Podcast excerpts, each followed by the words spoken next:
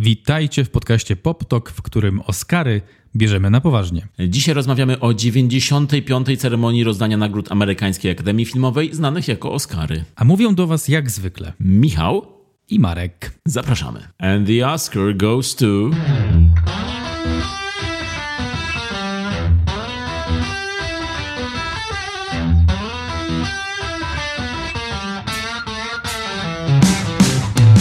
Jak tam w ogóle dzień? No, przyjeżdżam tu dzisiaj do ciebie na nagrywanie podcastu po dwugodzinnym leczeniu kanałowym u dentysty. Naprawdę dzisiaj miałeś? Ojej. How was it? No, zaskakująco bezboleśnie było, ale ze znieczuleniem, jak prawdziwy mężczyzna oczywiście. Mhm. Ale igła wdziąsło, czy? Igła wdziąsło, tak. Aj. A później dwie godziny wiertła w cztery kanały. Ja cię. Za jednym razem cztery kanały mi zrobił. Wow. I nie boli nic? Jeszcze jesteś na jakimś znieczuleniu, czy? Jeszcze, tak, czuję, że zaraz zasnę. jeszcze, jeszcze już trochę zeszło, ale, ale nic nie boli, nic nie, no, nie bolało, nawet było ok. Także Wow. dzisiaj, dzisiaj mogę mówić bardziej niewyraźnie niż zazwyczaj. Deal with it. Jedna połowa twarzy w paraliżu, ślina kapiąca na klawiaturę. Tak, to nie będę się silił na Oscary wcale, tylko to przez dentystę. Ale gdzie byłeś? W Instytucie Stomatologii, czy... E, U twojej mamy byłem. Really? Mm, mm, mm. Mm. Dzisiejszy odcinek Oscarowy wyjątkowo ma premierę w niedzielę, ponieważ chcemy Wam dać trochę czasu, żeby posłuchać tego i tych naszych typów i opinii przed galą wręczenia Oscarów. Oczywiście możecie słuchać nas już po gali, może już jest dzień po, może jest kilka dni po, e, ale to nieważne. Mówimy do Was z przeszłości i opisujemy wszystkie filmy i recenzujemy wszystkie tytuły z kategorii najlepszy film, po to, żeby Wam przybliżyć i polecić te najlepsze, odradzić te najgorsze i po to, żebyście mogli w przerwie w pracy zabłysnąć wśród znajomych, mówiąc kilka słów o filmie, który wygrał Oscara albo który wręcz przegrał ze sromotną klęską. O rozdaniu tegorocznych Oscarów rozmawiamy przed ceremonią, więc wyników jeszcze nie znamy. Także w tym momencie po prostu wymienimy wszystkie tytuły filmów e, i wytniemy ten, który wygrał tak naprawdę.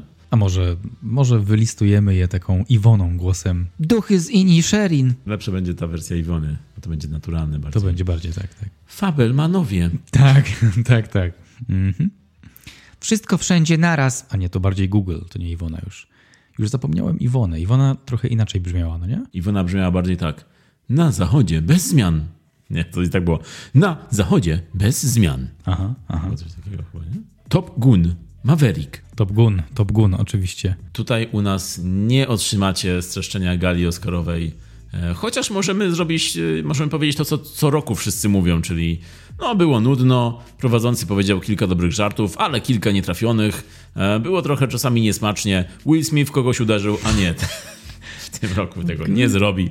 Nie wiadomo. Może, może. Może wbije tak na imprezę bez zapowiedzi. Tak jak my na najlepsze z najgorszych przychodzimy z tekturą i żartami, tak on będzie teraz, his, his thing is to smack people. Albo myślałem, że przyjdzie z tekturą z napisem Keep my wife's name. Tak, tak. A Jada będzie na ceremonii, czy tylko Will Smith nie może być, a ona może być na przykład? Nie wiem, no, nie wiem, nie wiem, jak wejdzie, skoro na bramce ktoś musi wyczytać jej imię. Burn. I to Chris Rock będzie stał na bramce. Tak. Chrisa Rocka też w tym roku nie zobaczymy, chociaż wszystko się może jeszcze zdarzyć, bo być może nas zaskoczyli, może już wiecie więcej niż my, bo jesteście po, e, już w poniedziałek albo później po obejrzeniu.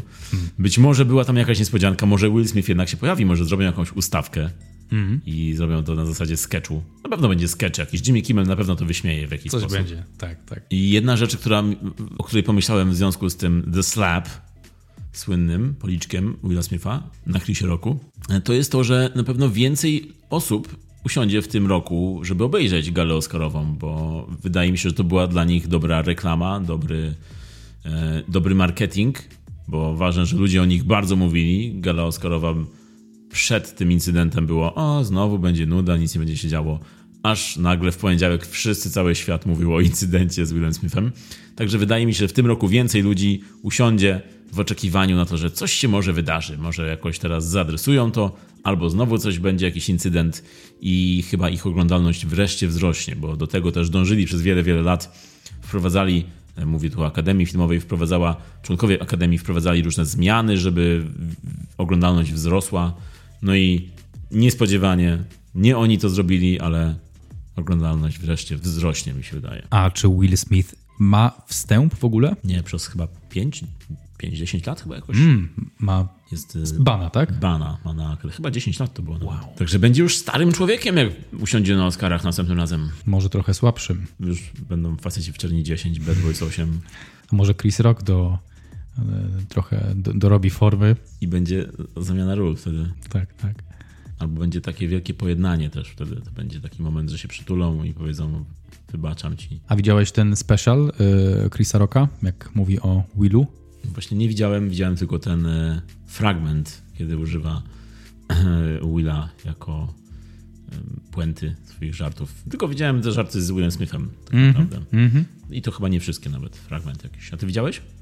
Ja widziałem jakiś 8 lub 12 minutowy fragment i w ogóle myśl, myślałem, że that's it, że to jest to, że to jest ten special, że Chris Rock po prostu myślał rok nad tym, żeby ustosunkować się do tego i to był taki skit bardziej.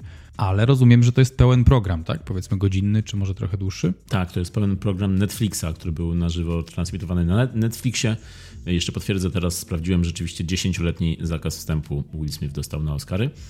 Może być nominowany, ale nie może, nie może przyjść na galę.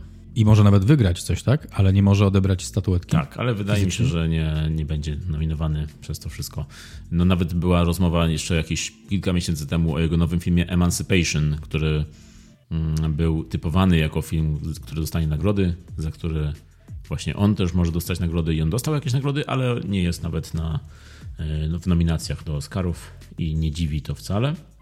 Mm, Natomiast może przechodząc do nominacji, chcieliśmy Wam pokrótce powiedzieć, co myślimy o filmach, które są nominowane w kategorii najlepszy film, czyli takie 10 krótkich recenzji filmów e, z e, Oscarowych. The world needs our reviews. Jeśli jest poniedziałek i właśnie jesteście w pracy i wiecie, że zbliża się przerwa obiadowa i ludzie będą was pytać o filmy Oscarowe, a wy nie wiecie nic na ten temat, to my wam pomożemy. My z przeszłości śpieszymy z pomocą. Tak, także możecie cytować, używać naszych słów e, no copyright i możecie powiedzieć, że o, tak, Avatar to jest ten film.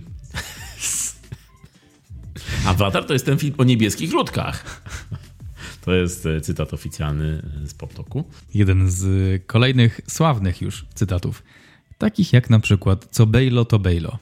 Przypominam, że taka perła istnieje w naszych nagraniach. Tak, w tym roku Christian Bale niestety nie jest nominowany, także nie użyjecie tego, e, ale jak będzie za rok, to wtedy możecie bez wahania użyć e, naszego e, motto, hmm, co Bejlo to Bejlo. Natomiast przechodząc teraz 10 filmów oscarowych, 10 e, filmów w kategorii najlepszy film, e, zaczynamy od... To może zacznijmy od tego, który wygrał. Bo wiemy to w czwartek. Mnie wydaje się, że wiem, chociaż y, wiele osób tutaj w tym momencie wydaje im się, że wiedzą, bo największym pewnikiem oscarowym jest film Wszystko Wszędzie Naraz. Everything, Everywhere, All at Once. I ja tutaj z tobą w tej samej loży krytyków siedzę i tak, tak, i tak, i pocieram wąsa. Nie. I zgadzam się z tym, zgadzam się, że to jest faworyt. Tak, Wszystko Wszędzie Naraz wyskoczył jakiś czas temu na niespodziewanego faworyta, bo na przykład jeszcze rok temu, kiedy ten film miał premierę swoją, Już rok minął. W momencie, w którym Will Smith spoliczkował Chrisa Rocka, wtedy była premiera. Efekt motyla. Efekt motyla, tak. 11 marca 2022, czyli dosłownie rok minął. Jest to na pewno film, który miał e, bardzo dużo czasu, żeby ze zebrać taki following, e, no bo jednak to też dużo daje. Jeśli film e, ma premierę w, stosunkowo wcześnie w ciągu roku i może właśnie tak się budować, budować jak śnieżna kula, no to ma większe szanse. Jeśli film miał premierę powiedzmy w grudniu, no to trochę być może za, dla niego to jest za, za krótko, żeby, żeby wygrać Oscara, tego głównego. Do tej pory przynajmniej tak było. Dlatego też myślę, Avatar nie, nie dostanie Oscara, chociaż z drugiej strony Avatar jest taką dużą produkcją, że już przed premierą wszyscy o nim wiedzieli. Mm, Natomiast do Awatara przejdziemy później, ale Wszystko Wszędzie Naraz jest filmem według mnie z całej tej stawki najlepszym. Filmem, którego, jak już powiedziałem, nie spodziewałem się w tej stawce jakiś czas temu jeszcze, a który jednak okazał się faworytem, bo dostaje po kolei na różnych rozdaniach wiele, wiele głównych nagród. Na tych rozda rozdaniach nagród gildii producentów, gildii reżyserów, gildii scenarzystów, aktorów itd., tak itd. Tak Każda gildia ma swoje nagrody, które później kończą się tymi Oscarami właśnie. I gildie głosują też e, i twórcy filmowi głosują na Oscarach. No i wszystko wszędzie naraz jest dziwnym przypadkiem, bo do tej pory w historii Oscarów nie było takiego tytułu, który byłby na tyle odjechany, dziwny, zabawny, mm, nietypowy i który miałby największe szanse na Oscara.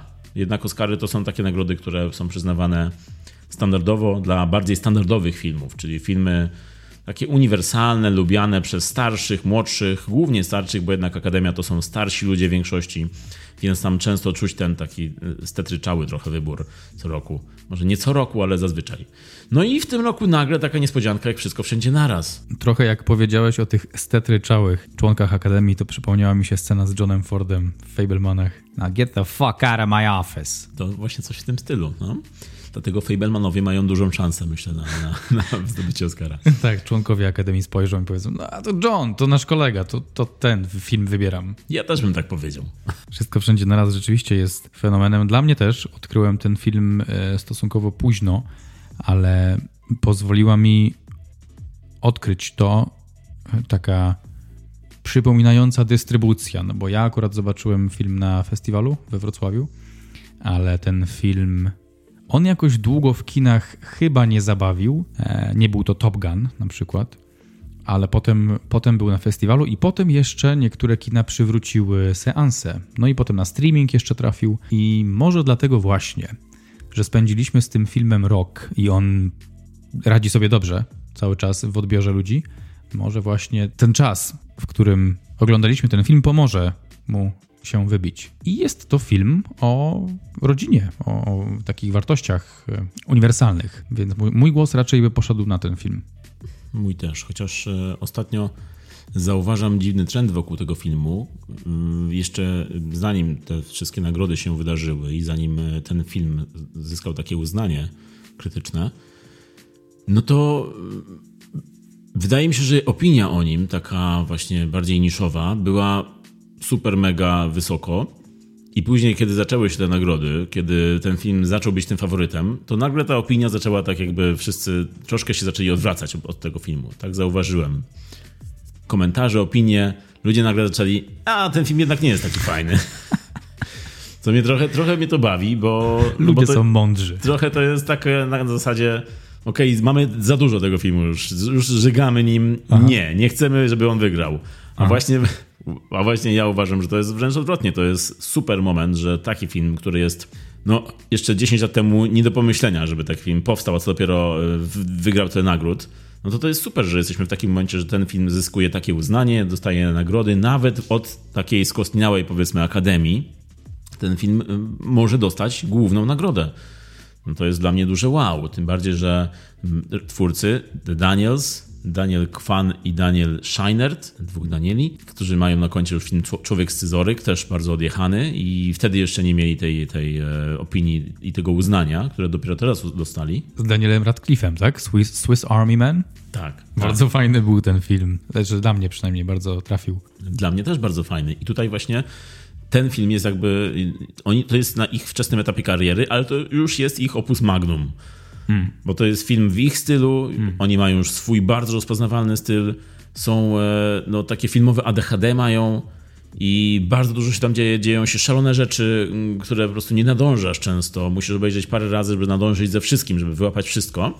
Ale oprócz tych szalonych rzeczy i tej całej komedii, i tego science fiction, użycia multiversum, Matrixa i innych rzeczy skondensowanych w jedno, oprócz tego właśnie ten kręgosłup filmu jest, czyli ta rodzina, powiedziałeś, te tradycje, no takie przesłania bardzo tradycyjne powiedziałbym, z którymi można się uniwersalnie uosobić. I to, to mnie bardzo ujęło, że to, że tam jest właściwie wszystko. Jest y, miejsce do, do, śmiechu, jest miejsce do płaczu, jest y, miejsce do podziwiania sztuk walki, jest miejsce do, na, do strzelanin, wybuchów, e, do przemyślenia. Wszystko tam jest po prostu, jak tytule zresztą. No i jak dla mnie no jest to moment, w którym też Akademia chyba chce nadrobić pewien błąd tego, że Matrix 20 lat temu został lekko pominięty, dostał nagrody tylko w kategoriach technicznych, a został z nami na wiele, wiele, wiele lat i jest tak naprawdę klasykiem, jednym z wielu klasyków pominiętych przez Oscary w pewien sposób, w tych głównych kategoriach nazywanych głównymi. No i dlatego wydaje mi się, że wszystko wszędzie naraz jest takim momentem, kiedy Akademia chce być na czasie i nie chce popełnić drugi raz tego samego błędu z Matrixem. Czyli wydaje mi się, że jednak wygra nagrodę główną. A teraz powiedz to tak, jakby wygrała. Czyli wszystko wszędzie naraz wygrał nagrodę główną. Gratulacje! Zgodnie z Michała przewidywaniami. A teraz, jeśli nie wygra, no i jak to się stało, że wszystko wszędzie naraz nie wygrało nagrody? To coś musiało być ustawione. A może po prostu wiedziałem, wiedziałem, że nie wygra wszystko wszędzie naraz. No ja wiedziałem, że to wszystko wszędzie naraz nie wygra. Ja mówiłem ci, Marek, mówiłem ci, nie? Pamiętam, tak, mówiłeś. Ale swoją drogą też y, są takie mm, głosy i też mam takie przemyślenia, że co roku jest bardzo mocny kandydat na Oscarach, który jeszcze do dnia wręczenia Oscarów wydaje się tym pewnikiem i który ostatecznie przygrywa z, z Kretesem. Rok temu był to, były to Psie Pazury Netflixa. Film, który miał najwięcej nominacji, film, który zgarniał też po kolei nagrody tych wszystkich gildii, a który na gali musiał obejść się smakiem i praktycznie prawie żadnej nagrody nie dostał. A wygrał film taki jak Koda, którego nikt chyba nie obstawiał, bardzo mała mniejszość obstawiała. I okazuje się, że taki film, kolejny raz, taki standardowy wybór, film do obiadu, film familijny otrzymuje największą nagrodę. I tak samo może być też, jest taka ścieżka, jedna z tych multiwersowych ścieżek, jest taka, że wszystko wszędzie naraz może być wielkim przegranym. Jak myślisz? Myślę, że w tym uniwersum może przegrać, ale w innym wygrać wszystkie nagrody. I w tym innym te nagrody będą wyglądały jak takie złote dildo. I na y, widowni będą siedziały osoby, które wyglądają jak Michelle Yo z tymi palcami, tak? E, długimi, parówkowatymi. Tak, tak, dokładnie. I Jamie Lee Curtis uderzy Michelle na scenie. Odbierając Oscara. I powie Keep my wife's name. Ej, to jest dobry scenariusz na kontynuację Wszystko Wszędzie Naraz. Z taki spin-off, takie ciach. Hmm, hmm, sprytnie, sprytnie. Jeśli miałby powstać kiedyś, to Danielów zapraszamy do nas. Także jeśli jesteście już w poniedziałek i słuchacie tego po rozdaniu nagród, macie dwie możliwości. Albo możecie mówić wszystkim, że wszystko wszędzie naraz było od początku faworytem i dostało swoją oczekiwaną nagrodę największą i, i, i wiedziałem o tym od samego początku. Albo druga opcja, wszystko wszędzie, wszędzie, wszystko wszędzie naraz jest wielkim przegranym i tak jak rok temu, Psie Pazury też miały najwięcej nominacji i nie wygrały. Tak samo w tym roku ten film powtarza tę ścieżkę multiversową.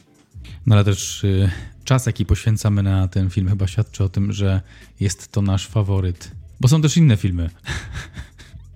ale my moglibyśmy o nich nie mówić. Dla nas ta kategoria już się skończyła. Dokładnie. Tam, gdzie jest wszystko wszędzie naraz, to tam, e, jak dla mnie, film wygrywa wszystkie nagrody. I bardzo mnie cieszy właśnie to, że ten film jest właśnie w tej stawce. Um, no i byłby to też Oscar dla wytwórni A24, której ciężko jest zdobyć jakiegokolwiek Oscara do tej pory. I teraz mia, mieliby szansę tym filmem, ich pierwszy Oscar. Ale a propos Wszystko Wszędzie Naraz, no to jeszcze właśnie jest Michelle Yeoh, która jest nominowana w kategorii aktorskiej i która jest też wielką faworytką i razem z Kate Blanchett są na górze tej stawki i jedna z nich opuści tę galę z Oscarem. Jak obstawiasz? Sprawdzimy to w poniedziałek, kto miał rację. Michelle, Michelle, totalnie Michelle. Tak? Ja mm, obstawiam mm. Kate jednak. Dla mnie Kate to nie był Oscarowy popis w tym filmie. Znaczy ja y, sercem jestem bardziej przy Michelle, ale mm -hmm. obstawiam, że wygra bardziej chyba Kate, mi się okay. wydaje. Okej. Chciałbym, żeby Michelle dostała, ale nie wiem, Tar wydaje mi się, że ta rola też dużo byłaby wymagająca. Mnie osobiście jakoś bardzo nie przekonała, ale, ale sporo wysiłku tam poszło na to. Wow, Marek, to, to właśnie wymyśliłeś? Napracowałaś, dziewczyna. Myślę, że myślę, że powinna chociaż dostać karnet, jakiś voucher tam do gali. Znaczy, no, ja jestem sercem za Michelle i, i, też to, co przeważa na jej korzyść, to to, że Kate Blanchett ma już na swoim koncie Oscary, a Michelle Yeoh nie ma już jeszcze, więc... Y, Liczba mnoga. Tak, dwa Oscary ma i to mógłby być jej trzeci. Także wydaje mi się, że może być tutaj trochę tak, takie podejście, a ona już ma, ta nie ma, dajmy tej. Więc być może jednak Michelle zgarnie tego Oscara i jak dla mnie, ja bym się cieszył. Cieszyłbym się też, gdyby Anna de Armas otrzymała. To jest niemożliwe, bo film nie jest uznawany, w ogóle nie jest nominowany w żadnej innej kategorii, więc tylko za tę rolę. No ale według mnie jest to świetna rola, włożyła naprawdę dużo pracy serca. No, pracowała się dziewczyna. No i jest naprawdę jeden do jeden Marilyn Monroe, więc e, bardzo, bardzo mi się podobała ta rola. Także tutaj też bym się cieszył, no ale wiem, że nie dostanie. Także jest walka pomiędzy Michelle Yeoh albo Kate Blanchett. Michelle Williams raczej nie ma e, szans za Fablemanów. Andrea Riseborough, tutaj jest dużo kontrowersji e, za tą nominację, bo ona podobno zdobyła tę nominację w nieuczciwy sposób, ale nie z jej własnej winy, bo podobno ma dużo znajomych w Hollywood, którzy organizowali pokazy tego filmu i taki jakby pitching jej roli robili dla tych mm. osób decyzyjnych. Not cool. I tam wśród tych osób była Jennifer Aniston, Kate Winslet, Gwyneth Paltrow i dużo innych gwiazd, aktorek, które po prostu się, się przyjaźnią z nią i chciały ją wesprzeć w ten sposób, co mm -hmm. rozumiem, ale podobno jest to niezgodne z zasadami i Akademia aż wszczęła śledztwo w tej sprawie. Wyobrażasz sobie śledztwo Akademii? Chodzili z zupą po tym domu i oglądali wszystkie szczegóły i mówili, mmm, ciekawe. Sir, you're gonna have to come with us. No i to śledztwo... We're with the Academy. Coming with us. tak, I pokazują Oscara na wejściu. jako odznakę. Tak. I oczywiście najpierw poszli do domu Willa Smitha, ale nie było go tam. No i to śledztwo podobno zakończyło się tym, że stwierdzili, że rzeczywiście coś tam jest w tym, y, jakaś, jakaś prawda w tym jest, ale nie zmienimy teraz tej decyzji, będziemy na przyszłość uważać bardziej. jest tak, seniorze, uważaj. Takie szlonkowców w markecie. Ale fajnie. Wyobrażasz sobie coś takiego w sądzie? Ktoś kogoś zabił, jest rozprawa i śledztwo pokazało, że no coś tam było nie tak. Faktycznie on tam miał ten nóż, trochę krwi było na nim, ale to następnym razem po prostu zbadamy to, no bo teraz to tak, no nie wiadomo, no nie za bardzo tam. Po prostu następnym razem tak nie rób. Tak, tak. Sąd skazuje cię na pinky swear, że już tak nie zrobisz. I przeproś rodzinę zmarłego. I, I tylko to zrób. A następnym razem to już będziesz wiedział. To mu powiedziałem. Także, także ta kategoria jest y, pod tym względem kontrowersyjna. Faworytem kolejnym mogłoby się wydawać, no bo długo był w kinach i ogromny sukces kasowy, box office'owy, no to film y, Top Gun z Tomem Cruzem. Według mnie nie wygra Oscara, that's my bet, ale swoje namieszał w zeszłym roku.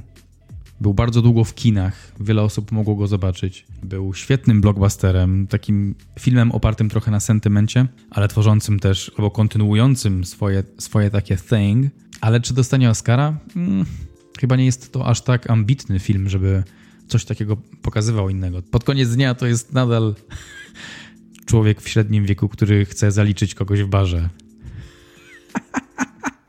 I lata samolotem, który jest mm, symbolem jego męskości. Tak, tak. I rzuca tekstami amerykańskimi. I don't like that face. It's the only one I got. I uśmiech. Tak, tak. tak. I cały film uśmiechnięty.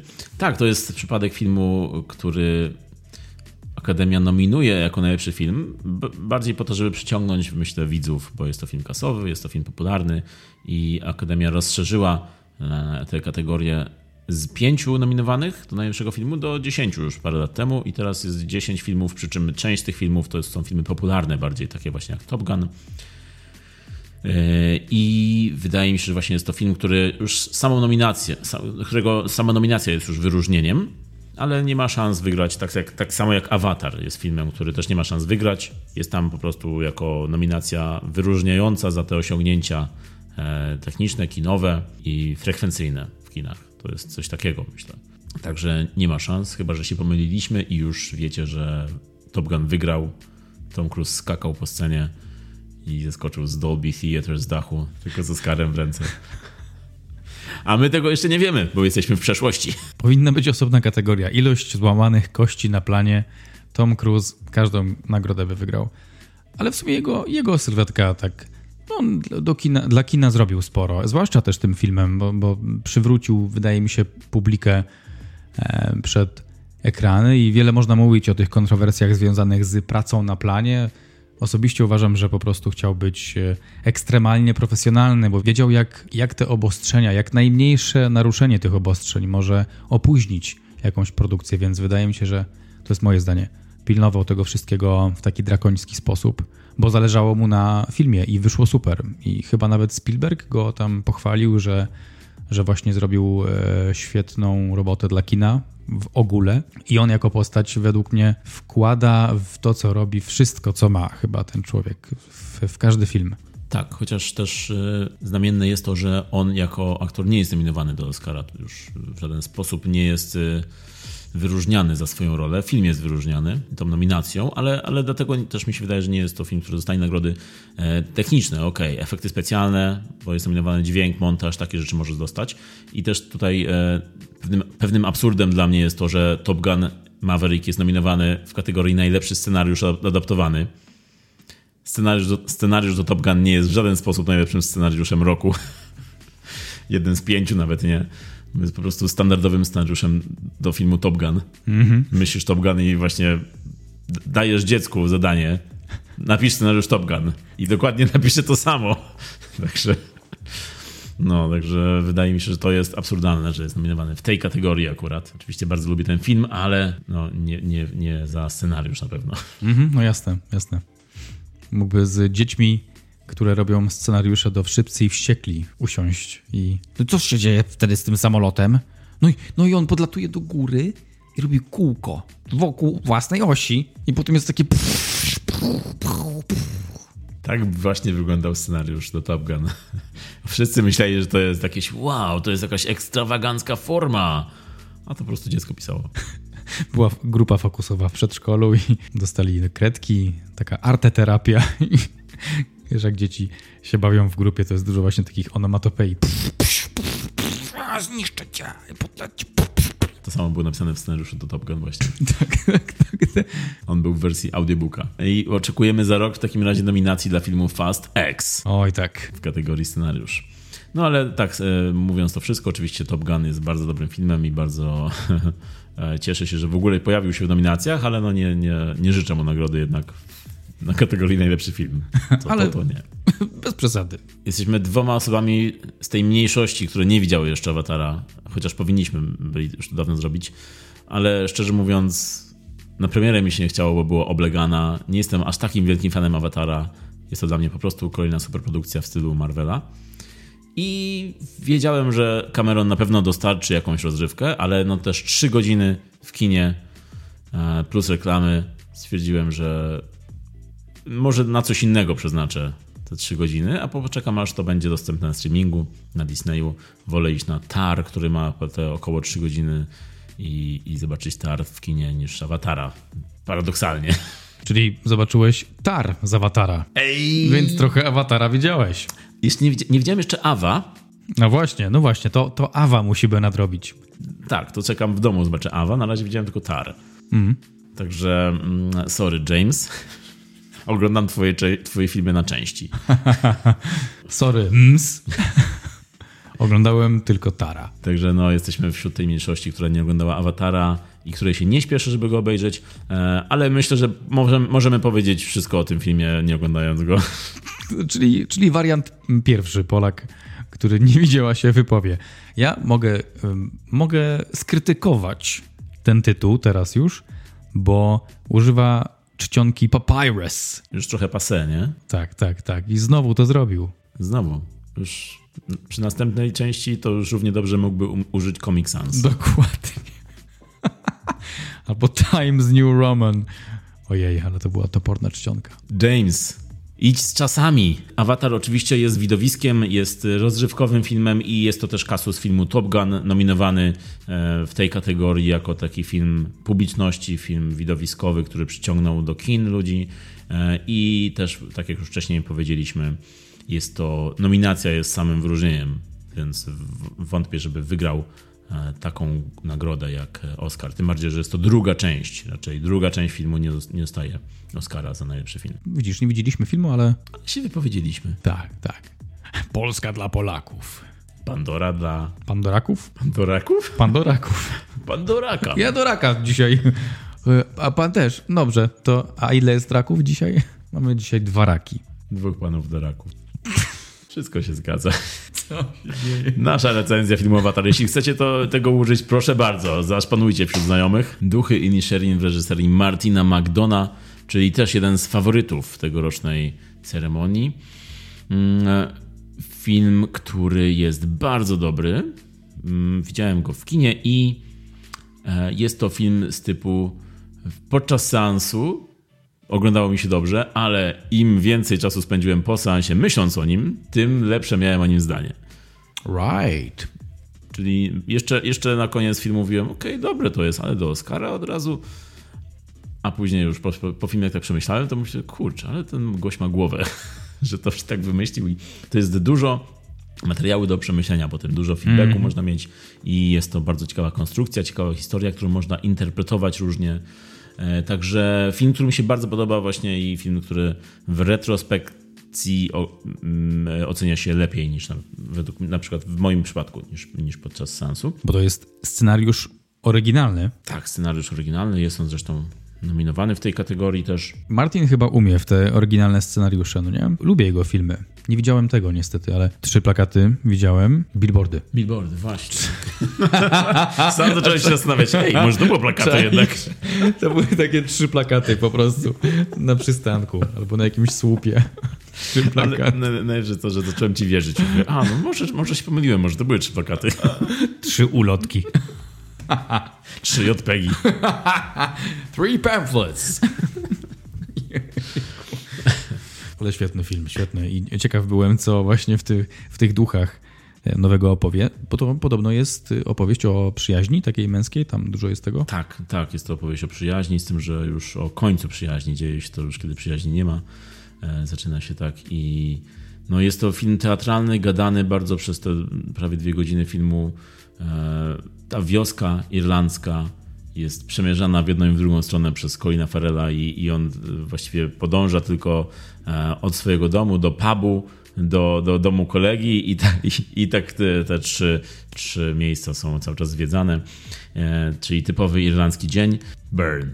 Jeszcze zdrowaś Mario w międzyczasie. No i jest to bardzo dobry film, który, mm, który ma właśnie te świetne role, bo Colin Farrell i Brendan Gleeson i Barry Keoghan, mm, no to to są, jak to u Martina McDona zawsze te role e, są oscarowe. Trzy billboardy było to samo.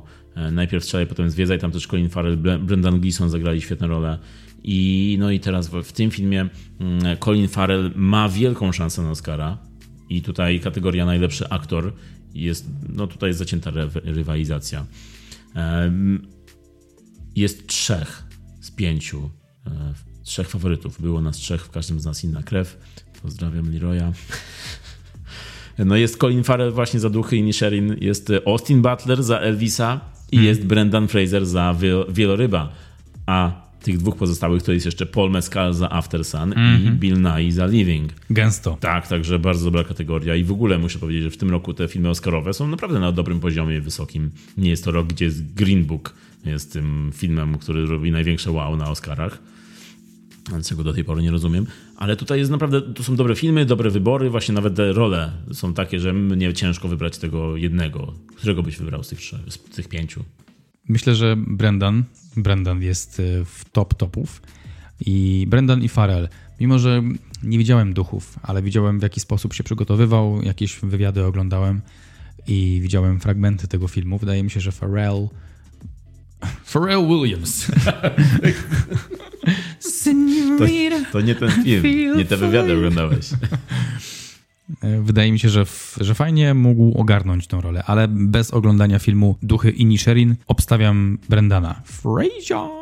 Odsyłamy do naszego odcinka o wielorybie. No i Brendan rzeczywiście wydaje mi się, że ma największe szanse, bo jest to taki wielki comeback i dużo się o tym mówi. Jest ta historia prywatna jego. No i Brendan Fraser rzeczywiście za wieloryba to jest faworyt. Y, według mnie jeden z tych trzech, jeśli wygra, będę zadowolony. Paul Mescal, szczerze mówiąc, też ma bardzo dobrą rolę i też zaskoczenie było to wielkie, że on został nominowany i w ogóle super. Paul Mescal trochę tak, jest to zaskoczenie pozytywne, kibicuję mu, fajny aktor, fajna rola. Według mnie nie na tyle mocna, żeby dostać tą statuetkę, ale keep it up, Paul. Tak. Z kolei Bill Nye w filmie Living, film, którego nie widziałem, ty też nie widziałeś chyba i to jest film, którego jeszcze nie było u nas w Polsce, więc chyba bardzo mało ludzi go widziało jeszcze. E, u nas przynajmniej. No i dlatego ciężko ocenić ten film i tę rolę, ale no tak, no Austin Butler, świetna rola, świetna praca do tego filmu włożona w Elvisie. Colin Farrell też świetna rola i Brendan też świetna rola. Także każdy z tych trzech, no Paul Mescal jest tutaj zaskoczeniem pozytywnym. Jeśli on by wygrał, też bym się szczerze mówiąc ucieszył, bo to było bardzo by takie, o fajnie, fajnie, nowa, nowa krew, nowa twarz i od razu staje nagrodę taką dużą za bardzo dobrą rolę. Super. Mhm. Nie ma szans, co prawda, ale... A teraz wariant jakby wygrał. No nie, mówiłem, że, mówiłem, że wygra Paul Mescal. Także Paul, keep it up. Byliśmy z tobą od samego początku. Dobrze, no ale After Sun nie jest nominowany za najlepszy film, chociaż jest to bardzo dobry film rzeczywiście. Oglądałeś? Oglądałem, byłem. No i jak? No, pogadajmy o tym teraz. Jak tam? Zostawmy ich. jak tam wrażenia? Bardzo dobre, bardzo dobre. To było takie wzruszające i takie niejednoznaczne. Wszystko mm. takie niedopowiedziane, super, super. Mm. Także Duchy i Nisherin mają duże szanse na Oscara yy, i są w tej topce wymieniane Oscarowej, w tej topce faworytów. Ale też wydaje mi się, że trzy billboardy miały dosyć niedawno duży sukces i chyba jest to też zbyt wcześnie, too soon, po tym, żeby znowu Martin McDonagh dostał e, kolejne Oscary.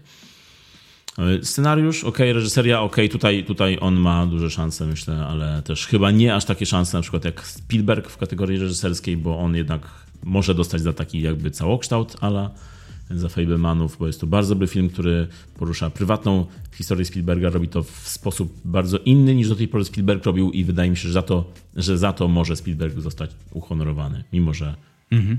są inni też dobrzy twórcy w tej kategorii. Z tej perspektywy, jak opowiadasz o Spielbergu i ten całokształt, to widzę, widzę to, jak dostaje tą statuetkę rzeczywiście.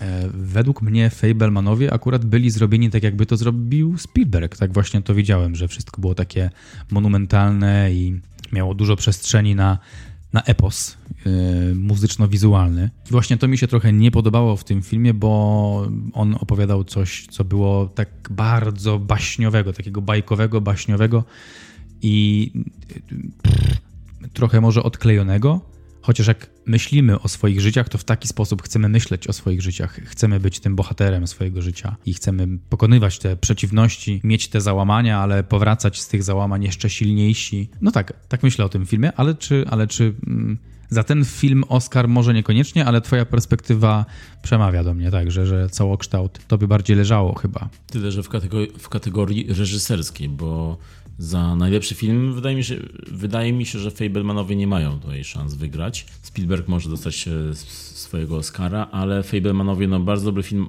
bardzo dobry film, o którym nagraliśmy osobny odcinek. No i jest to film dla fanów filmów po prostu, dla, dla kinomanów i dlatego też Oscary lubią nagradzać takie filmy. E, ale wydaje mi się, że bardziej no, nominacja tu będzie niż Oscar.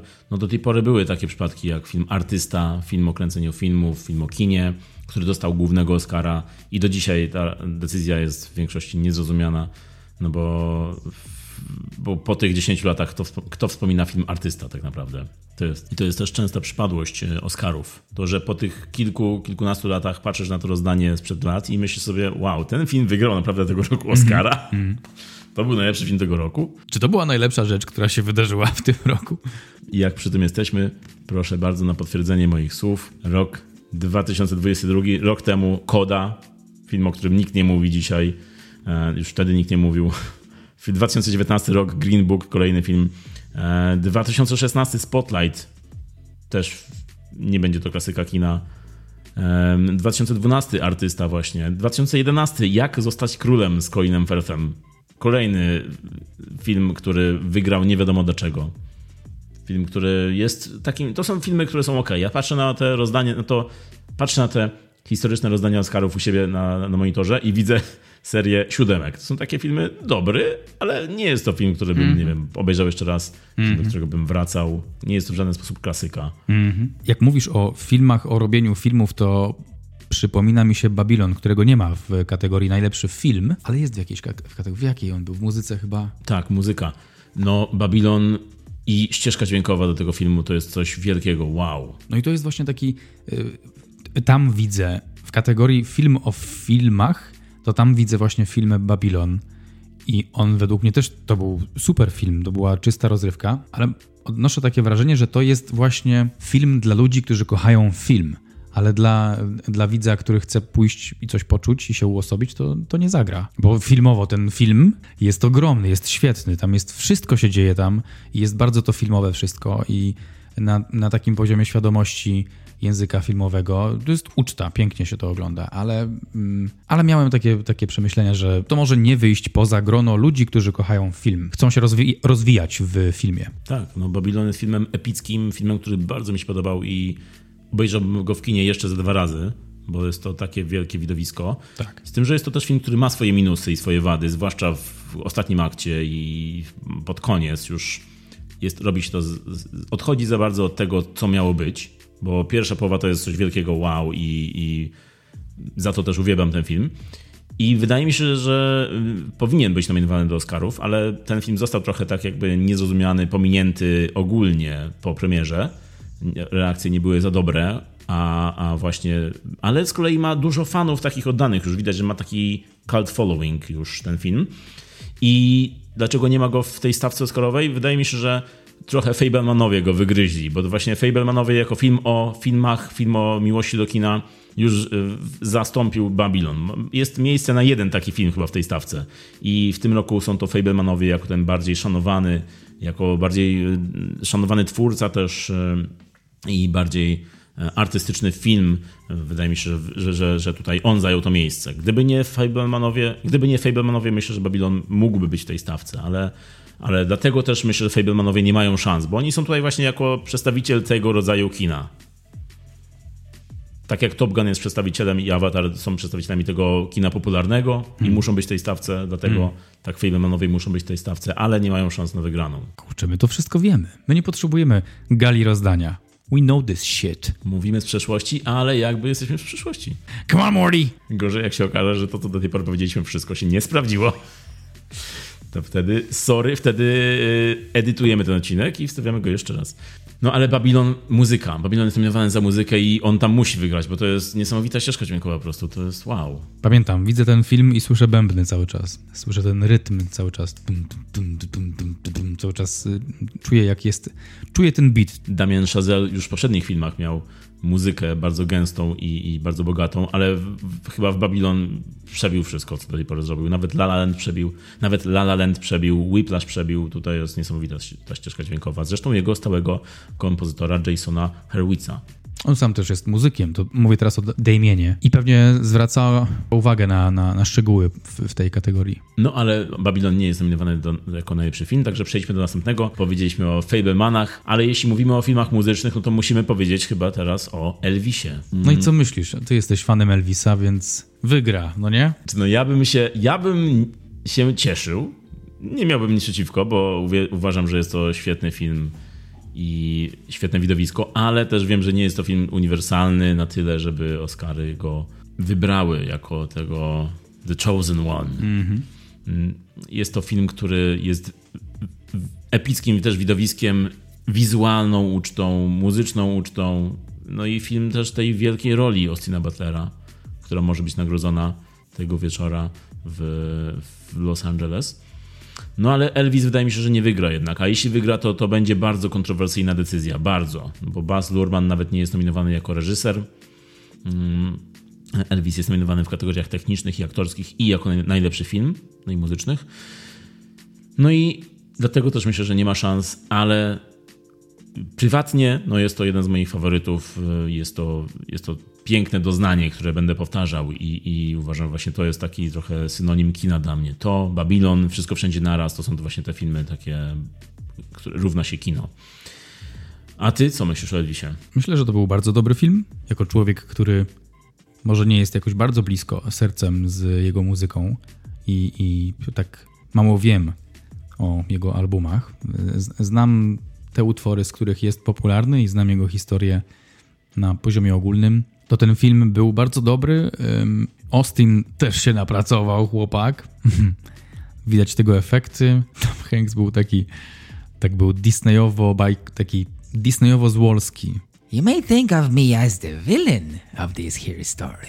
Tom Hanks, co tu robisz? Tak, ja właśnie przyszedłem odwiedzić moich fanów w Polsce. Bardzo dobry film, bardzo dobry, fajny, muzyczny, rozrywkowy film. E, Oscar-worthy. Mm, I don't think so. No i też patrząc na dotych, dotychczasową filmografię Baza Lurmana, reżysera, no on, jego filmy były nominowane do Oscara i zdobywały Oscary, ale zawsze w kategoriach technicznych. Moulin Rouge, scenografia, kostiumy, e, Wielki Gatsby, scenografia, kostiumy też, dokładnie te same kategorie. Czyli jest to twórca, którego filmy dostają nagrody techniczne, dostają nagrody takie jak właśnie kostiumy, scenografia, muzyka, e, bo jest to człowiek, który ma to oko do, do wizualiów, ale filmy jego raczej nie dostają jako całokształt, do tego Elvis też nie dostanie. I jest to też film, który jest bardzo taki brokatowy, momentami kiczowaty wręcz, oddający, oddający styl Elvisa Presleya momentami e, tymi bardziej kiczowatymi. I dlatego też myślę, że nie jest to materiał na Oscara jednak, bo jest to film, który trzeba e, lubić ten styl, rozumieć ten styl, nie każdy jednak to lubi już sama nominacja to już jest dużą, wydaje mi się, dlatego, bo, bo Akademia jednak to są często starsi ludzie i oni wyróżnią pewnie Austina Butlera. Tak mi się wydaje, że mogą wyróżnić Austina Butlera. Jest tym, e, jest tym wyborem takim gościem, który na każdej gali rozdania nagród używa cały czas tego samego akcentu Elvisa, więc to jest już to, to, że on zostaje w tej postaci, to jest już to, że wszyscy powiedzą, ej, on się cały czas stara, on cały czas chce tego Oscara, dajmy mu. Napracował się chłopak. Wyróżnijmy go na prywatnej imprezie, na innej wyspie zamkniętej, na której biegają nadzy ludzie i próbujemy na nich polować. Co zresztą jeszcze troszeczkę było pokazane w Babilonie. Może z innej strony, ale tak that sort of kinky stuff. Bawiłbyś się tak, jakbyś był Hot shot Hollywood producer. Patrzyłbyś jak mięśniacy zjadają szczury. Nie, tak bym się nie bawił. Nie, nie, tak bym się nie bawił. Wolę obejrzeć o tym film niż e, obejrzeć to w rzeczywistości chyba. Ale wiesz, podejście się zmienia. Stajesz się sławny i już patrzysz inaczej na życie. Także nigdy nie wiadomo. Mam nadzieję, myślę o sobie, żebym tak nie zrobił, ale. Ale jest ta szara strefa. Także Austin Butler, e, panie i panowie, Thank you very much. Tar według mnie był fantastyczny. Did you get that? Mm, to był taki niemy przyklask. brawo, brawo. Dzięki. You saw that, did you? Fantastyczny film z Kasią. Blanszowaną. Blanszowana Kasia. Tar, tak jak Elvis, jest filmem o postaci, wielkiej postaci muzyki, świata muzyki. Z tym, że fikcyjnej tym razem postaci, Lydia Tar, tak, jest to e, fikcyjna historia upadku z wysokiego piedestału e, pewnej postaci o imieniu Lydia Tar albo Linda.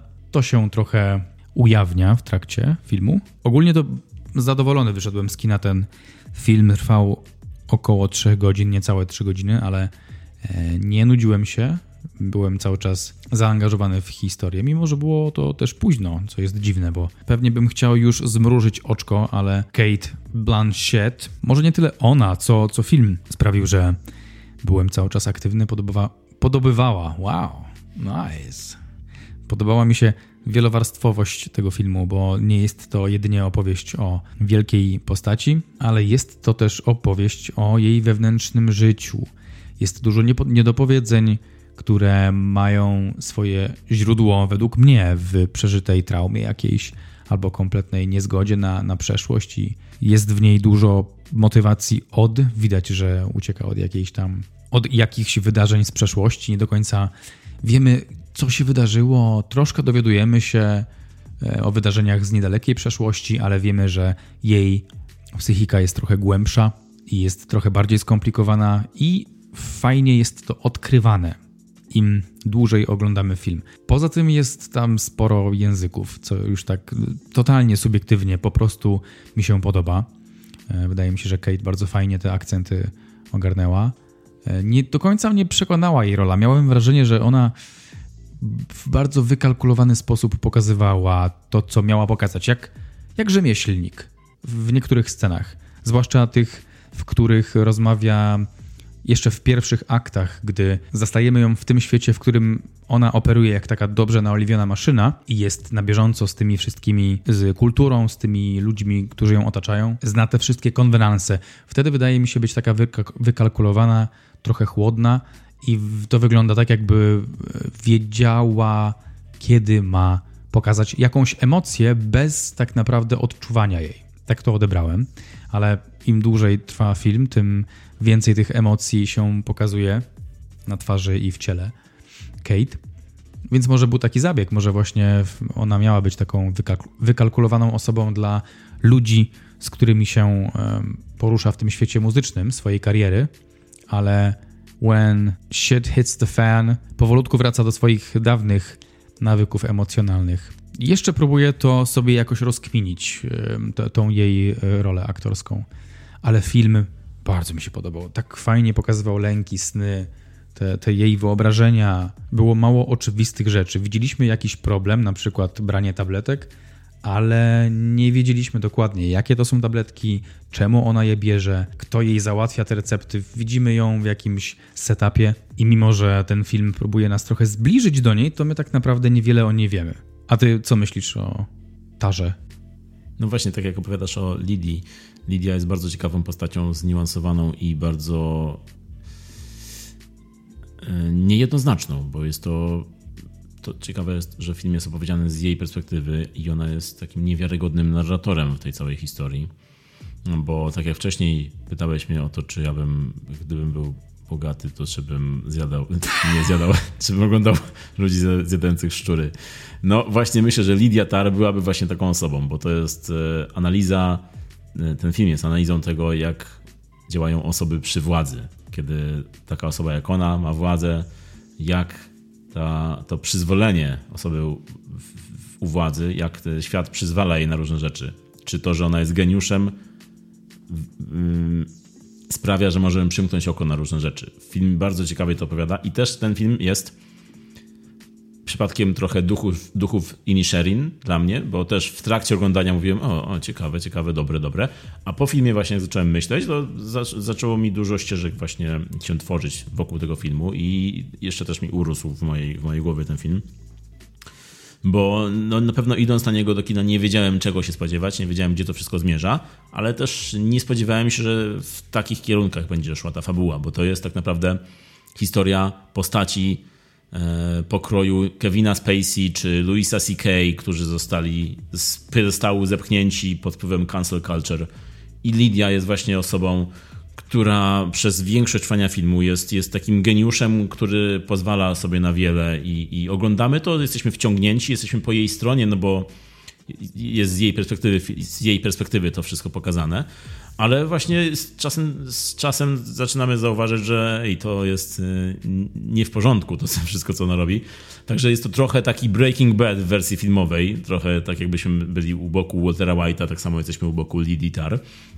No i, no i to, że ona jest dyrygentką na pewno, bo, bo Lidia Tar w filmie to jest sławna na cały świat dyrygentka, oczywiście na, na cały, cały świat, mówię tu o środowisku muzyki klasycznej, I, I, też to, że ona jest dyrygentką, też na pewno pomaga filmowi. Gdyby to była na przykład, nie wiem, wokalistka pop, to pewnie byśmy inaczej na to patrzyli, ale że ona uprawia taki zawód i taką muzykę i robi takie rzeczy, które robi, czyli na przykład nie gra tutaj na instrumencie, nie śpiewa, tylko ona, ona wykonuje ruchy pałeczką e, przed całą orkiestrą. Tak naprawdę orkiestra gra za nią, a to ona jest tą sławną osobą tutaj. To jest też bardzo ciekawe w tym filmie, że ona jest sławna, dlatego że inni coś za nią robią. To jest. Y, w ogóle film jest bardzo intrygujący i według mnie rola Kate Blanchett jest tutaj super. Ona jest zawsze super tak naprawdę w filmach, więc to nie było zaskakujące. I zrobiła tą taką zniuansowaną postać.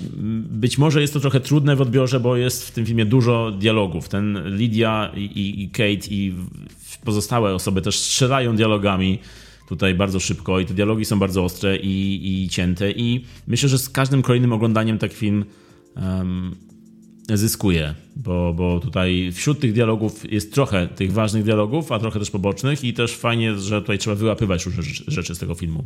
To jest trochę film trudniejszy, e, bardzo mi się podobał, cieszę się, że jest w nominacjach. Gdyby wygrał, to, to byłoby dla mnie duże wow, bo jest to dosyć taki mm, film na czasie, film opowiadający o współczesnych czasach bardzo, film zaskakujący. E, nie pasuje mi bardzo do filmu, który wygrywa Oscara za najlepszy film, tym bardziej, że właśnie opowiada trochę o takich rzeczach hollywoodzkich typowo obecnie. E, no, ale cieszę się, że, cieszę się, że tu jest. Nie, nie wydaje mi się, że wygra, nie kibicuję, żeby był tym najlepszym, jednak nadal inne filmy według mnie są wyżej niż on, ale jest bardzo, bardzo dobry jak dla mnie.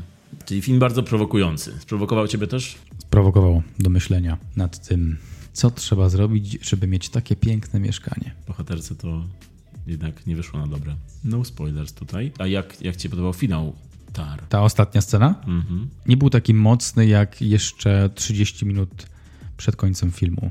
To się tak budowało, budowało. Był taki lekki ten finał, mimo wszystko. Gdzieś tam spodziewałem się jakichś większych reperkusji i, e, e, i, i tego i tego i tej konfrontacji Lidii z, z tymi wszystkimi rzeczami, które przeskrobała, ale nie, ten finał był taki a, a, to pamiętasz ją? To, to tak się skończyło. Trochę tak też. Tak. Bezpuentowy taki troszeczkę. Nie wiem, czy to był taki bardziej lekki, żartobliwy taki dosyć ten, ten finał, bo te ostatnie ujęcia były takie trochę takie mrugnięcie oka, takie, takie trochę na zasadzie żartu bardziej niż jakiegoś, jakiegoś, e, jakiegoś prawdziwego finału. Więc oczywiście ta, ta końcówka mi troszkę tak mm, nie spodziewałem się, że to będzie koniec. Już myślałem, że jeszcze coś będzie, a to się okazało, że jednak nie, to, jest, to był koniec.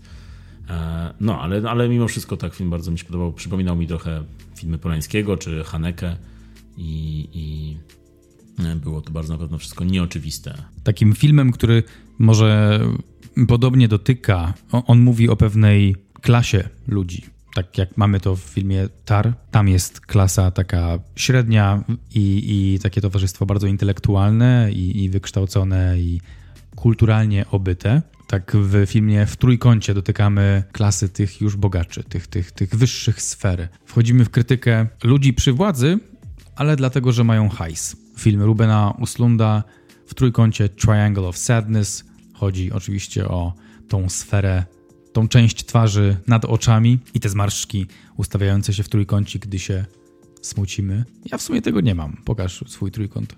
Mm, No tak, masz trochę tak. A ty masz, o ja, takie komiksowe brwi, bra. Jakby, jakbyś był Son Goku. Nani? Tego się nie spodziewałem, że dzisiaj usłyszę na pewno. Jak wstawałeś rano, to nie, nie, nie wiedziałeś, że to Nie, usłyszysz. nie tego, tego się nie spodziewałem po dzisiejszym odcinku naszego podcastu. You're welcome. Dys na moje brwi. Wiesz, kim jest Son Goku? Do you know who I am? Son Goku, tak, e, tak, tak, ten, tak, tak, Son Goku. W trójkącie, czyli film o tych wyższych klasach, rzeczywiście film, jeden z kilku, które powstały w zeszłym roku, e, czyli był ten, był ten etap filmowy na satyry o, na wyższe sfery i właśnie w trójkącie e, to ten europejski przedstawiciel tego gatunku. Jest też Knives Out 2 na noże, czyli Glass Onion, który też jest zresztą nominowany jako najlepszy scenariusz adaptowany. Bardzo dziwna nominacja do tego filmu, bo jest to po pierwsze sequel, po drugie nie jest tak dobry jak, jak e, na przykład się spodziewaliśmy. Mogę mówić za nas obu. Pamiętaj jeszcze o Son Goku. Jest też e, ten film e, słynny Son Goku. Biografia tego piosenkarza, który się nazywa Song Oku. Wow, you have no idea. Oku Song. Goku. Japończyk, więc czyta się odwrotnie, nie? Tak, tak, tak, tak. No i oprócz tego jest jeszcze menu. E, Były te filmy e, satyryczne na wyższe sfery, z czego w trójkącie jest, jest jednym z tych, tych e, lepszych i rzeczywiście no, było to zaskoczenie, że ten film w ogóle jest nominowany w kategorii najlepszy film. Też w ciągu ostatnich lat były te sytuacje, że filmy międzynarodowe, zagraniczne są nominowane w kategorii najlepszy film. Największym tego przykładem jest Parasite, który wygrał zarówno międzynarodowy film i najlepszy film. W tym roku chyba nie będzie takiej sytuacji bo na, międzynarodowe filmy są dwa, czyli w trójkącie i na zachodzie bez zmian. W trójkącie, omawialiśmy go już tutaj w tym podcaście, jest filmem dobrym, zabawnym i satyrycznie udanym. Mm, Czy najlepszy film roku? Nie wydaje mi się. Być może ty będziesz miał inne zdanie. Jak dla mnie jest to taki Jackass na Titaniku i to działa, ale Ruben, Ruben Östlund miał, miał, choćby The Square lepszy niż w trójkącie. I co ciekawe, w trójkącie nie jest nominowany w kategorii między, międzynarodowy film, tylko najlepszy film, bo, bo Szwecja wystawiła inny film w tej kategorii e, jako swojego pretendenta, a w trójkącie nie mogło brać udziału w tym. E, Nie wiem, czy to dlatego, że produkcja, czy, czy co, ale no, gdyby był w kategorii międzynarodowy film, to byśmy mieli bardziej skomplikowaną sytuację, ale teraz, jeśli w kategorii międzynarodowy film jest na zachodzie bez zmian i jako najlepszy film też jest na zachodzie bez zmian, no to wiemy, kto wygra jako film międzynarodowy, no to już jest jasne. E, Czyli na zachodzie bez zmian jest jednym z pięciu kandydatów do filmu, do najlepszego filmu międzynarodowego. Widziałeś międzynarodowe filmy? Ale on też jest w kategorii na najlepszy film. W ogóle ten film zgarnia dużo kategorii, w wielu kategoriach się pojawił i uważam, że słusznie. Cause it fucking rocks, man. I ja też się zgadzam. Na Zachodzie bez zmian jest e, filmem, którego się nie spodziewałem, że mi się aż tak spodoba. Według mnie mm, można go stawiać tak gdzieś obok, nie wiem, szeregowca Ryana, jako ten klasyk kina wojennego. Przynajmniej tak będzie, myślę, traktowany. Mam nadzieję. Od pierwszych momentów film był świetny, wizualnie to wprowadzenie na, na pole bitwy od góry, tak? Bo tak, tak zaczynamy, że e, jest najpierw od góry pokazana, pokazane pole bitwy i potem e, ta kamera się wyrównuje do horyzontu. Wow. I ten utwór, który jest też już na początku. Dum, dum, dum. Super, te dźwięki, trzy dźwięki, a cały film zostają z tobą tak, tak. w uszach. Tak. Napięcie na każdym kroku. Świetna rola Daniela Bryla, wszystkich w ogóle chłopaków tam naprawdę, wow, to był naprawdę dobry film i aktorsko, i wizualnie, i, i muzycznie. Wcale się nie dziwię, że jest w tych kategoriach, w tych wielu kategoriach. Była tego kiedyś inna wersja tego filmu. Ten film jest na podstawie książki Erich Maria Remarque, klasyczna książka o I wojnie światowej, która była adaptowana już dwa razy wcześniej, czyli w roku 30, bardzo szybko, jak na jak na wydanie książki takiej, na, na, i na takie widowisko wojenne. 1930 rok na zachodzie bez zmian w reżyserii Louisa e, Milestone'a, czyli taki klasyk Hollywoodu. Niemiecka książka, niemiecka historia, a zaadaptowana przez Stany Zjednoczone, przez Hollywood, czyli już tak sobie przywłaszczyli tą, e, tą, tą książkę. Film klasyczny, właściwie film, który dał początek i dał wiele motywów na kolejne lata, kolejne dekady filmów wojennych. I ta y, historia miała też swoją wersję w 1979 roku jako film telewizyjny na Zachodzie bez zmian. I teraz po tych latach właśnie Netflix postanowił zrobić kolejną wersję, tyle że tym razem jest to wersja robiona w Niemczech już przez Niemców. E, Edward Berger jest reżyserem i zrobili właśnie po tych kolejnych dekadach nową wersję która jest naprawdę bardzo dobra i realizacyjnie, technicznie, wizualnie to jest naprawdę Spielberg. I gdyby ten film był puszczony w kinach, nie na Netflixie, no to to byłoby pewnie wrażenie byłoby jeszcze potężniejsze. Tak, dokładnie. To jest, to jest co najmniej 1917. Nawet tak mi się kojarzyło bardziej z Nolanem, nawet z Dunkierką. Może nie, nie chodzi mi tutaj o zabiegi, e, zabiegi fabularne czy scenariuszowe, tylko bardziej chodzi mi o wizualną stronę, bo jest to potężne. I dlatego kategorie techniczne myślę, że może na zachodzie bez zmian też zgarnąć kilka statuetek. Jako najlepszy film wydaje mi się, że nie, ale międzynarodowy film na pewno zgarnie. Gdyby jako najlepszy film wygrał, no to to byłoby, to byłoby bardzo zaskakujące. Jest to na pewno film na czasie, no bo jest to film wojenny, antywojenny, a teraz wiadomo, że temat wojny jest bardzo, bardzo na czasie, więc jest pewne, jest pewne uniwersum, w którym ten film wygrywa główną nagrodę, ale wydaje mi się, że teraz to się jednak nie wydarzy. Mimo, że mimo że jest taka sytuacja, a nie inna. Został nam film Women Talking, film, który nie ma jeszcze swojej premiery polskiej, nawet nie ma tłumaczenia tytułu. No bo w polskim języku przecież nie ma słów, które mogłyby przetłumaczyć to z angielskiego. Przynajmniej tak niektórzy rządzący by chcieli powiedzieć. Film, który jest e, historią grupy kobiet i walki o prawa kobiet. E, także mm, jest to film bardzo na czasie.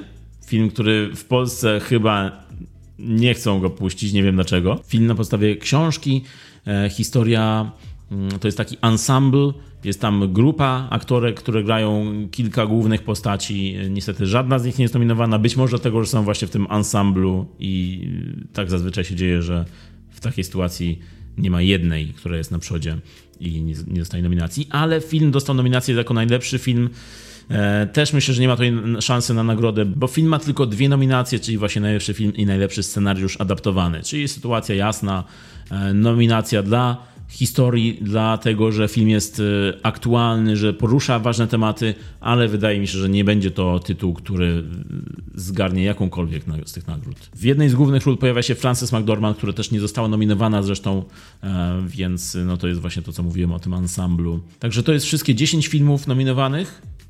Podsumowując, jaki Marek film myślisz wygra? Wszystko wszędzie naraz. Ja też obstawiam wszystko wszędzie naraz. E, gdzieś w tle są jeszcze Elvis, Duchy i Nisherin, Fablemanowie i Na Zachodzie bez zmian. Wydaje mi się, że te filmy mają jakąś szansę, ale małą. Netflix w tym roku ma tylko jeden film, czyli właściwie dwa filmy, ale jeden film jako najlepszy, czyli Na Zachodzie bez zmian. To jest film Netflixa, który reprezentuje platformę. Jest jeszcze Glass Onion, ale no to jest tylko scenariusz.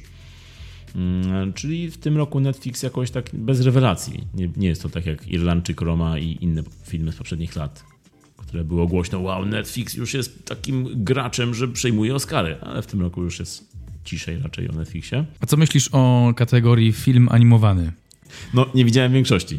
Widziałem tylko Marcela Muszelkę, tak jak zresztą ty, i Tak. kibicuję bardzo temu tytułowi, Marcelowi. Tak, moje serce z Marcelem Muszelką, ale słyszałem bardzo dobre rzeczy o kocie w butach i o Pinokio słyszałem dobre rzeczy, więc nie jestem pewien. Ja też nie, też mi się wydaje, że to będzie jeden z tych trzech, ale, ale też nie wiem, czy to będzie Del Toro za swój wkład w animację, czy bardziej Kot w butach za, za, za po prostu przyciąganie do kin ludzi, bo bardzo jest popularny ten film, czy właśnie Marcel Muszelka za te uczucia i czućko. Za to czućko, no Marcel. No i jeszcze musimy powiedzieć o filmie międzynarodowym.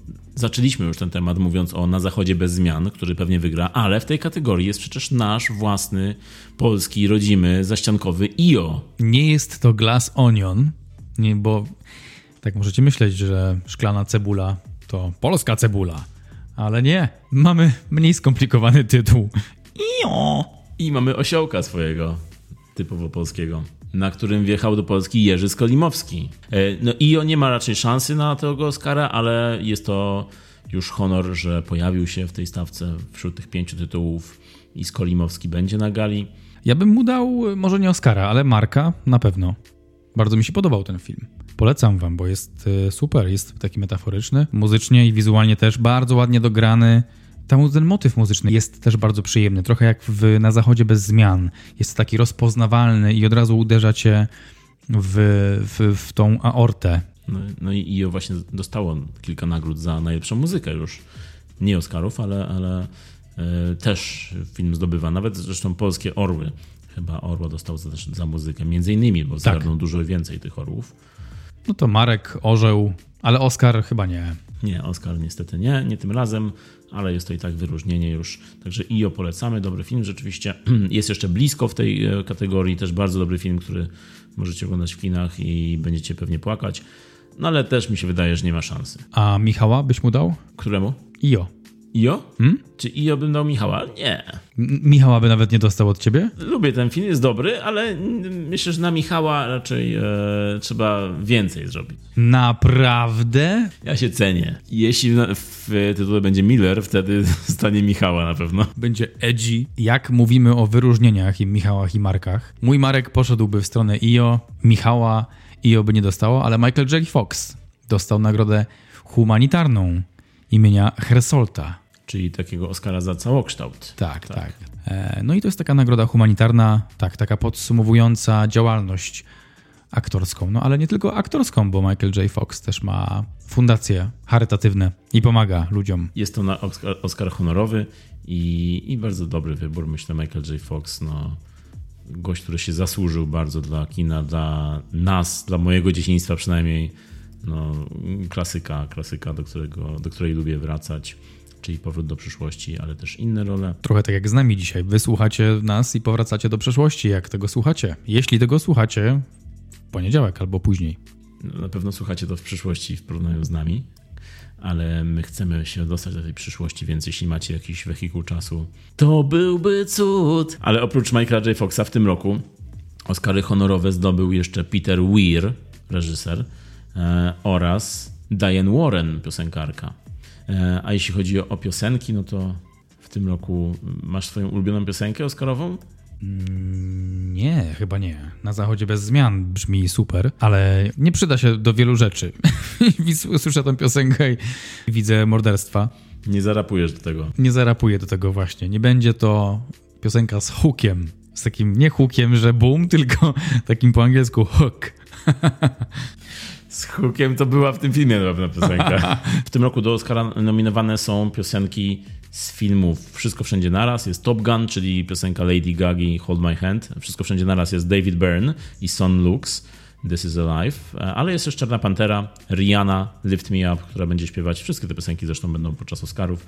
I jest też film R, R, R, film hinduski, bollywoodzki, którego żałuję, że nie można było u nas nigdzie obejrzeć, bo czuję, żebyśmy chodzili na niego w kółko, Mm, bo jest to takie to coś jak szybcy i wściekli, tylko że jeszcze więcej, jeszcze wyżej jeszcze mocniej.